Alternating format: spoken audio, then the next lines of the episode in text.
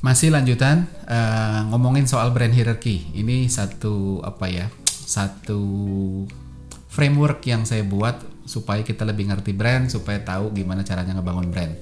Udah dua episode kita bahas, ini episode ketiga, masih ada tiga lagi habis ini gitu ya tentang brand hierarchy. Episode 41 kemarin kita bahas soal brand Lagarde. Ini brand yang masih dipakai tapi dipakainya gara-gara nggak punya pilihan makanya dipakainya sambil ngegerutu sambil maki-maki. Aduh ini gua kalau bisa ada yang lain mendingan yang lain deh dan sebagainya gitu ya.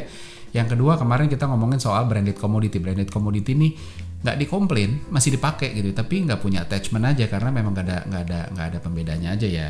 Eh, nggak ada uniquenessnya lah gitu kayak komoditas. Nah episode kali ini kita soal ngomongin brand yang ada di level ketiga di atasnya di tangga ketiga.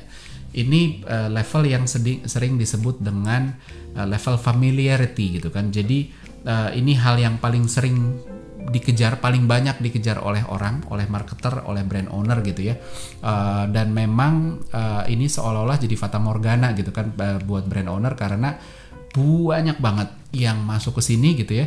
Karena berpikir bangun brand itu adalah tentang menjadi brand yang ada di level sini yaitu brand yang awarenessnya paling tinggi top of mind paling diingat dan lain sebagainya seolah-olah ini benar-benar ultimate goalnya padahal nggak padahal nanti masih ada tiga level lagi di atasnya gitu ya nah sebelum saya lanjutin uh, jangan lupa uh, kalau mau tahu lebih banyak uh, soal ini bisa baca buku saya Brain and Brand uh, linknya nanti saya taruh di bawah gitu ya di uh, caption Uh, terus abis itu buat yang belum nonton dua video yang kemarin baiknya nonton supaya konteksnya dapet gitu ya. Nah kalau kita ngomong brand di level familiar apa sih itu gitu ya? Uh, uh, seperti namanya namanya familiar gitu kan familiarity gitu kan. Jadi yang dikejar adalah gimana caranya brand ini jadi paling familiar awarenessnya paling tinggi orang paling inget top of mind dan lain sebagainya gitu ya. Itu yang dikejar gitu kan.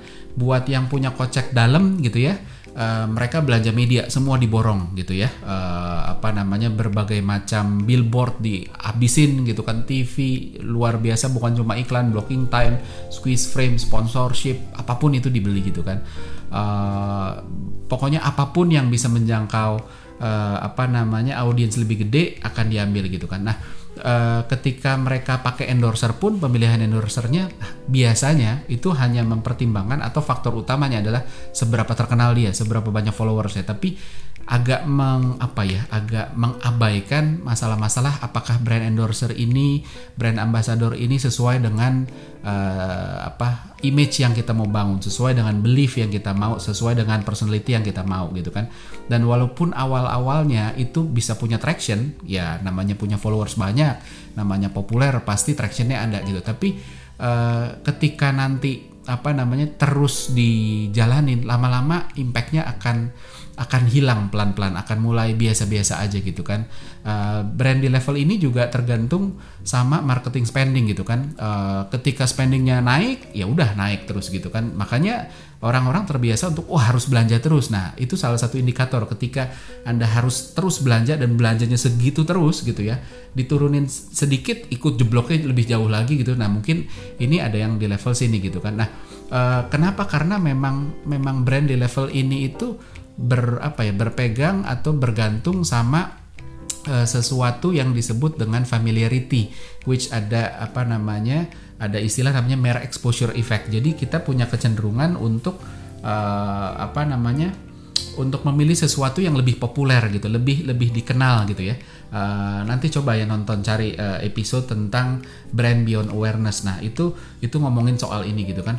Nah tapi memorinya sebenarnya nggak meaningful gitu kan. Kita diingat gitu tapi nggak ada meaningnya gitu sehingga harus terus digenjot dan dijaga familiarity-nya gitu kan. Uh, kenapa kenapa kenapa kenapa jadi meaningless sih gitu karena memang gak ada yang dibangun yang diomongin cuma ya udah gelap gempita aja apa pun gitu hore-hore doang gitu kan ketika kita diinget, diingetnya lebih karena diingetin, bukan diinget karena berkesan gitu ya. Jadi beda banget. Diingetnya karena diingetin bukan diinget karena berkesan. Itu dua hal yang berbeda gitu kan. E, berkesan ini baik secara fungsional, secara emosional, apa pun apa pun inspirasional gitu. Jadi jauh dari itu. Nah, brand-brand di kategori ini juga punya tendensi untuk bikin sensasi gitu, bikin iklan yang pokoknya asal viral gitu, lucu-lucuan, pakai receh-recehan gitu kan, jok-jok receh gitu. E, bahkan ketika target marketnya bukan sebenarnya bukan orang-orang yang suka receh gitu. Jadi cuma ngeliat aja trennya seperti apa sih, yuk ikut yuk. Nah ini bahaya gitu kan. Nanti kita bahas di eh, episode-episode selanjutnya soal uh, tren gitu ya. tren ini menarik tapi bahaya ini bisa jebakan karena apa? Ketika tren ada tren, yang ikut itu pasti banyak sehingga akan apa ya identity akan hilang gitu semua orang jadi jadi homogen ngeblend sama tren sehingga kita nggak keluar gitu jadi uh, itu itu yang harus hati-hati saya nggak bilang bahwa ikut tren itu salah ya tapi uh, berhati-hati ketika kita ikut tren sebelum identity kita keluar uh, apa namanya terus habis itu kita pudar aja. Nah contohnya ini juga nanti saya mau bikin uh, suatu saat di episode lain gitu ya. Itu ngomongin soal TikTok. TikTok nih kita nggak bantah lah boomingnya luar biasa gitu. Tapi semua orang masuk TikTok dengan gaya yang serupa gitu. Identitas uh, identitas brandnya udah udah udah nggak keluar lagi gitu. Nah ini bahaya gitu kan. Nah uh, terus abis itu resikonya apa sih? Konsekuensinya dari dari brand yang ada di level ini.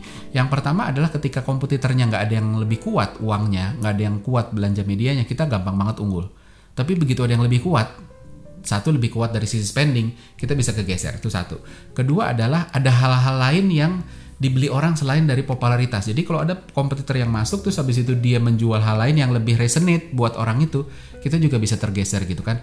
Uh, karena satu-satunya yang yang apa yang dijadikan dasar kenapa orang memilih brand kita itu murni cuma ya udah ini paling populer gitu kan uh, ya paling paling kedengeran lah saya paling sering dengar gitu jadi uh, apa namanya uh, ya udah nggak nggak nggak ada yang bisa di ini. Nah ketika brand-brand lain masuk dengan nawarin sesuatu yang lebih menarik dia bisa gampang goyang gitu kan. Nah apa aja sih brand yang ada di level sini? Banyak banget banyak banget bener-bener banyak gitu ya. Semua brand yang awarenessnya tinggi tapi ketika ditanya apa yang kita ingat tentang brand tersebut mereka bingung soal apa ya brand ini? Apa ya? Yang nggak ada. Cuma yang diingat oh itu yang bintangnya si itu ya. Oh yang iklannya begini ya. Cuma itu doang tapi dia nggak bisa ngambil take away-nya dari brand ini apa sih brand personality-nya apa sih image-nya apa sih function-nya? Mungkin dia bisa sebut oh itu brandnya uh, apa mobil ya? Oh itu ini ya. Tapi dia nggak bisa nyebut ini mobil yang gimana sih? Itu nggak bisa gitu kan.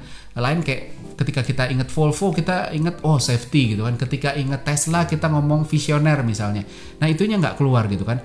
Nah terus brand-brand semua brand yang mengambil keputusan pembeliannya itu pengambilan keputusan pembeliannya itu nggak bisa dijelasin kenapa kenapa pilih ini? Um, ya nggak tahu ya. Sebenarnya itu gara-gara cuma popularitas. Itu masuk ke dalam kategori ini gitu kan. Dan semua brand yang ketika spendingnya turun lalu performanya juga turun turunnya lebih jauh ini biasanya masuk ke kategori ini gitu kan. Nah eh, brand-brand di kategori ini cenderung nggak akan menciptakan follower yang loyal. Apalagi fanatik. Jangan kan fanatik loyal aja nggak gitu kan. Bisa loyal selama masih paling populer gitu kan. Ketika nggak ada lawan tapi begitu ada lawan yang lebih pilih bisa dengan mudah ditinggalin gitu kan. Hati-hati juga uh, apa namanya ketika awareness dan popularity itu terus dikejar dengan cara yang asal bikin sensasi ah ini banyak banget gitu. Banyak banget brand yang pengen banget populer jadi apa pun caranya di, di dikejar gitu kan termasuk bikin-bikin sensasi. Kayak artis-artis yang cari sensasi pengacara politikus cari sensasi gitu. Awalnya kita ngelihat eh lucu juga ya terus kita ingat gitu ya. Tapi lama-lama enak juga karena kayak kayak makan kebanyakan micin gitu ya. Uh, apa namanya sayangnya banyak banget brand yang masuk ke sini gitu kan. Uh, awareness uh, awareness ini jadi jadi istilah yang buat mereka tuh uh, memang awareness ini jadi istilah yang paling sering ditempelin sama brand. Ketika ngomong brand tuh brand awareness gitu kan. Makanya dan kalau kita apa namanya ngukur uh, brand health track itu selalu awareness itu paling nomor satu diukur gitu ya. Tapi bukan cuma itu gitu kan. Kita bisa belajar dari hidup sehari-hari sebenarnya ketika kita bangun brand gitu bahwa uh, apa namanya jual brand ini juga kan jual jual apa ya berhubungan dengan manusia sehingga kita harus ngerti manusia. Nah kayak kita misalnya ini berandaian aja kalau kita lagi cari fotografer terus kita inget-inget siapa ya? Saya nggak kenal fotografer. Cari deh teman terus kita ingat oh ya si itu fotografer deh kayaknya teman SMA dulu gitu ya. Kita mungkin bisa cari dia karena awarenessnya gitu ya. Kalau cuma satu bisa kepilih tapi ketika ada beberapa kita nggak milih cuma sekedar oh saya tahu dia gitu. Bukan cuma sekedar awareness. Tapi kita cari kayaknya dia lebih profesional deh. Kenapa? Lihat aja tuh apa namanya Instagramnya tampilannya bagus-bagus. Jadi bukan cuma aware tapi konsisten nggak dengan dengan dengan hal-hal yang kita bisa bisa measure gitu kan. Kalau fotografer biasanya Instagram fitnya cenderung lebih apa ya lebih fotogenik lah dan lain sebagainya.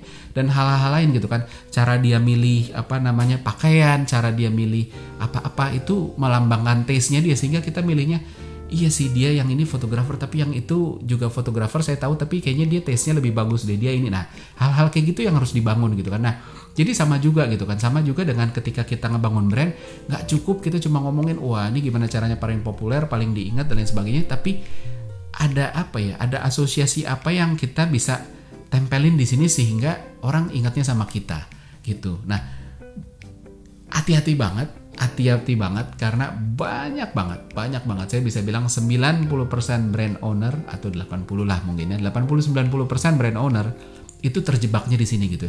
Pengen bikin brand, brand itu tentang ya udah kita iklan di mana-mana aja. Oh, bikin yang kayak gitu tuh lucu tuh, viral tuh dan lain sebagainya. Padahal tidak relevan sama sekali dan tidak meninggalkan kesan. Di awalnya diingat karena ya udah karena beda, karena unik tapi uniknya yang nggak relevan gitu. Jadi itu bahaya banget gitu. Nah, jangan sampai terjebak ke sini. Masih ada tiga level lagi di atasnya di tiga episode selanjutnya. Uh, jangan sampai kelewatan. Uh, ikutin terus ya episode-episode selanjutnya.